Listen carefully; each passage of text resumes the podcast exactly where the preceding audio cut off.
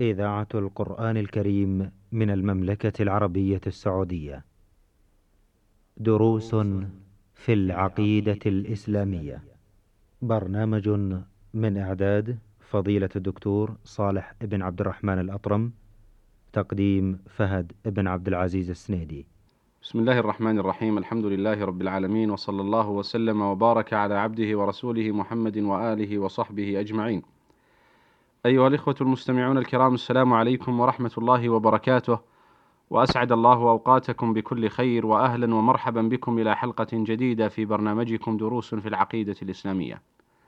مع مطلع هذا اللقاء أرحب بفضيلة الدكتور صالح بن عبد الرحمن الأطرم فأهلا ومرحبا بكم يا شيخ صالح. حياكم الله وبارك الله في الجميع حياكم الله.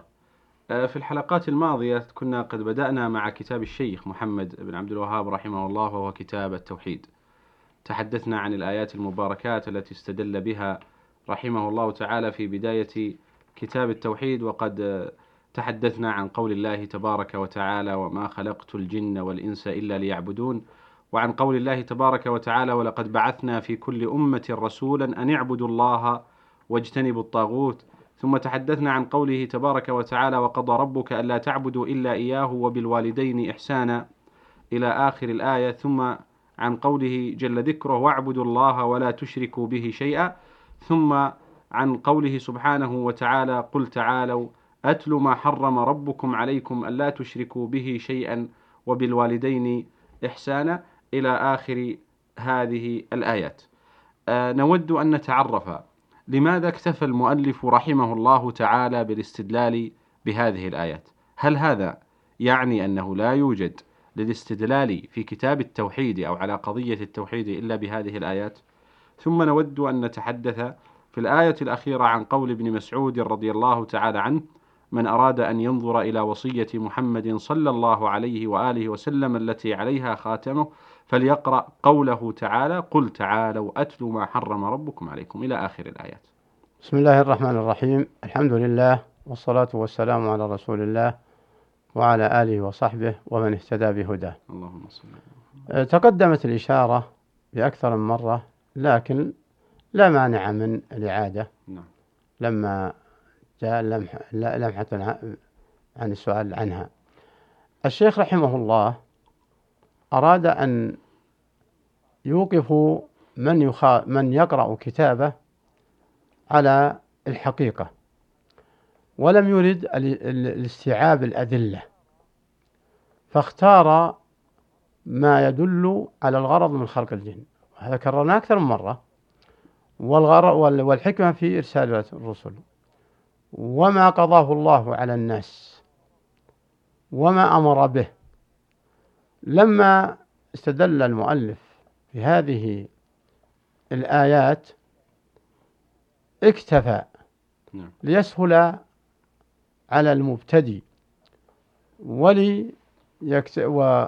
وعلى المبتدي ولا يستغني عنه المنتهي نعم.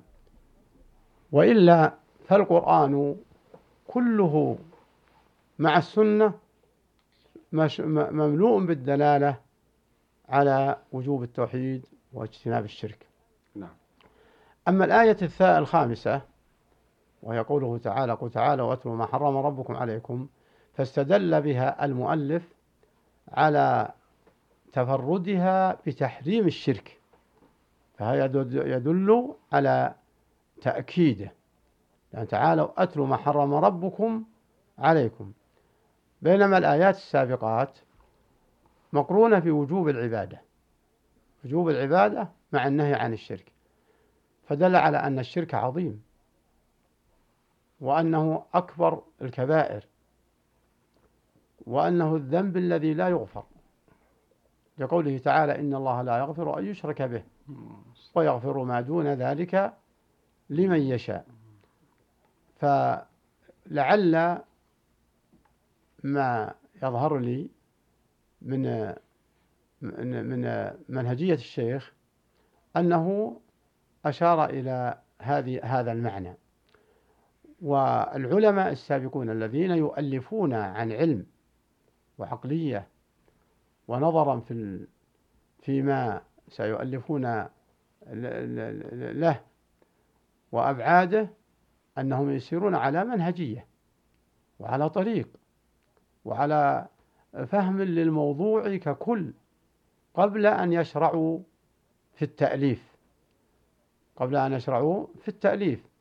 وليس المؤلف مثال الشيخ محمد بن عبد الوهاب وغيره من العلماء أنهم يبدأون في الموضوع قبل أن يرتبوا الموضوعات اللاحقة. بل بل من خلال تأليفهم أنهم يتصورون الموضوع ككل والمادة ككل ويفهمونها ثم بعد ذلك يرتبون المعلومات. نعم. فالنظر في ترتيب الشيخ في هذه الآيات كما تفضلت لمعنى عظيم وإلا القرآن كله كل كل دليل على وجوب التوحيد وتحريم الشرك. قل تعالوا أتلوا ما حرم ربكم عليكم ألا تشركوا به. هذه انفردت في التحريم دل على تأكيد النهي عنه. نعم. أيضا قول ابن مسعود رضي الله تعالى عنه في الآية الأخيرة. نعم. آه، قول ابن مسعود رضي الله عنه وأرضاه من أراد أن ينظر إلى وصية محمد صلى الله عليه وسلم التي عليها خاتمه. فلينظر إلى هذه الآيات يعني آيات الأنعام. أولا أنها وصية الله لأن الله قال ذلكم وصاكم به لعلكم تعقلون ثم ذلكم وصاكم لعلكم تذكرون. ثم ذلكم وصاكم لعلكم تتقون. فدل على أن أن ما بينه من نهي عظيم وأنه محرمات. وما أمر به أنه أمر يتحتم الأخذ به.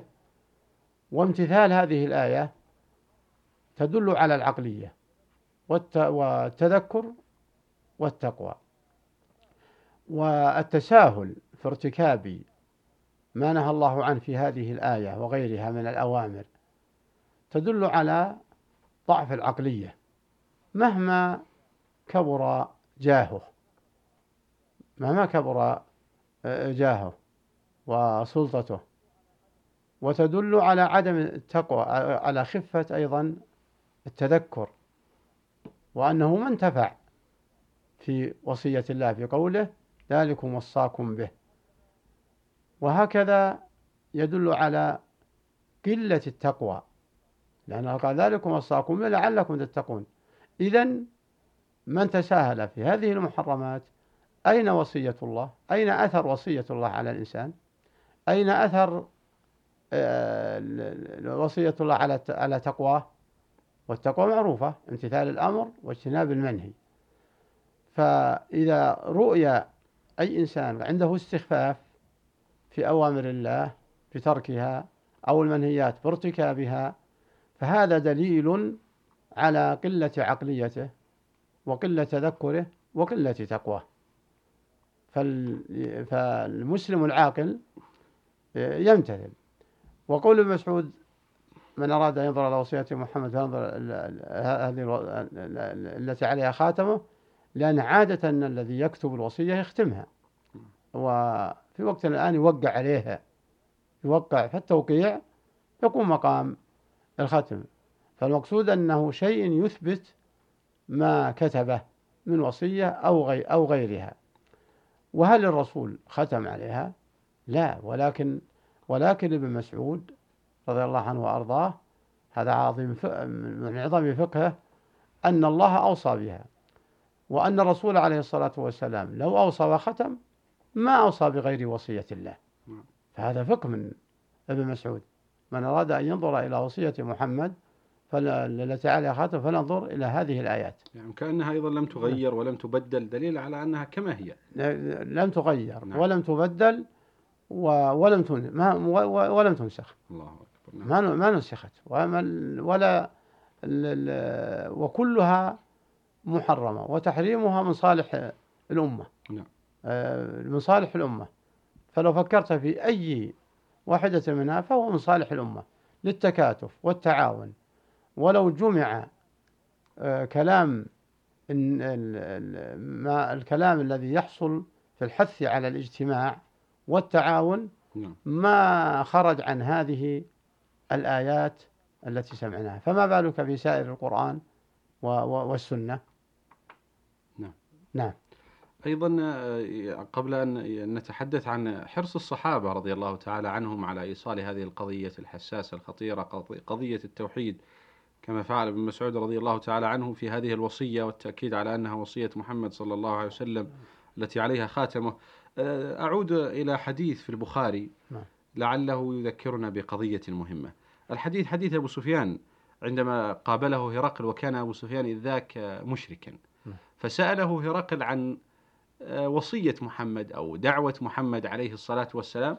فأكد آه، أبو سفيان على أن وصيته على أن دعوته تقوم على قوله قولوا لا إله إلا الله تفلحوا نعم. فانظر إلى هذا التأكيد من رجل وهو مشرك إذ ذاك كيف نقل هذا التقرير الأكيد الصحيح على القضية الأساس التي يدعو إليها محمد صلى الله عليه وسلم ثم تتابع هذه الوصية من الصحابة رضي الله تعالى عنهم بعد موت النبي عليه الصلاة والسلام ليقول ابن مسعود من أراد أن يقرأ وصية محمد التي عليها خاتم فليقرأ هذه الآيات. كلها تأكيد على هذه القضية كلها دعوة إلى التوحيد التي نحن الآن آه، نسعى إلى تأصيلها في هذا البرنامج وفي برامج عديدة عبر هذه الإذاعة المباركة. لو أنا ذلك أيضا نعم، تفضل. وصية في التوحيد. نعم. وصية بالرفق الله. في الصغار والضعاف. وصية في الاجتماع. مهما قيل في الدعوة للت- للتكاتف والتعاون لن يستطيعوا أن يأتوا بمعنى آية من هذه الآيات. الله أكبر. فهي و- فهي وصية في جميع بجميع أنحاء الحياة جميع أطراف الحياة و و و- والمصالح الدينية والدنيوية. وفيها الحث على الأقارب. نعم. وفيها الحث على التكاتف صلاح الدنيا والتعاون. والدين صلاح الدنيا والدين. الله أكبر. فلهذا آه، ختمت كل جزء من الآيات منها بالوصية. وتغير الاختتام كما سمعنا للمعاني السابقة. الله أكبر. بالعقل والتذكر والتقوى. والتقوى نعم. نعم. شكر الله لكم يا شيخ على هذا البيان وأتمنى أن يتجدد اللقاء وأنتم على خير. أيها المستمعون الكرام في الختام تقبلوا تحية زميلي فهد العثمان من الهندسة الإذاعية. حتى نلقاكم في حلقات قادمة بإذن الله تعالى نستودعكم الله الذي لا تضيع ودائعه. والسلام عليكم ورحمة الله وبركاته. دروس في العقيدة الإسلامية. برنامج من إعداد فضيلة الدكتور صالح بن عبد الرحمن الأطرم تقديم فهد بن عبد العزيز السنيدي.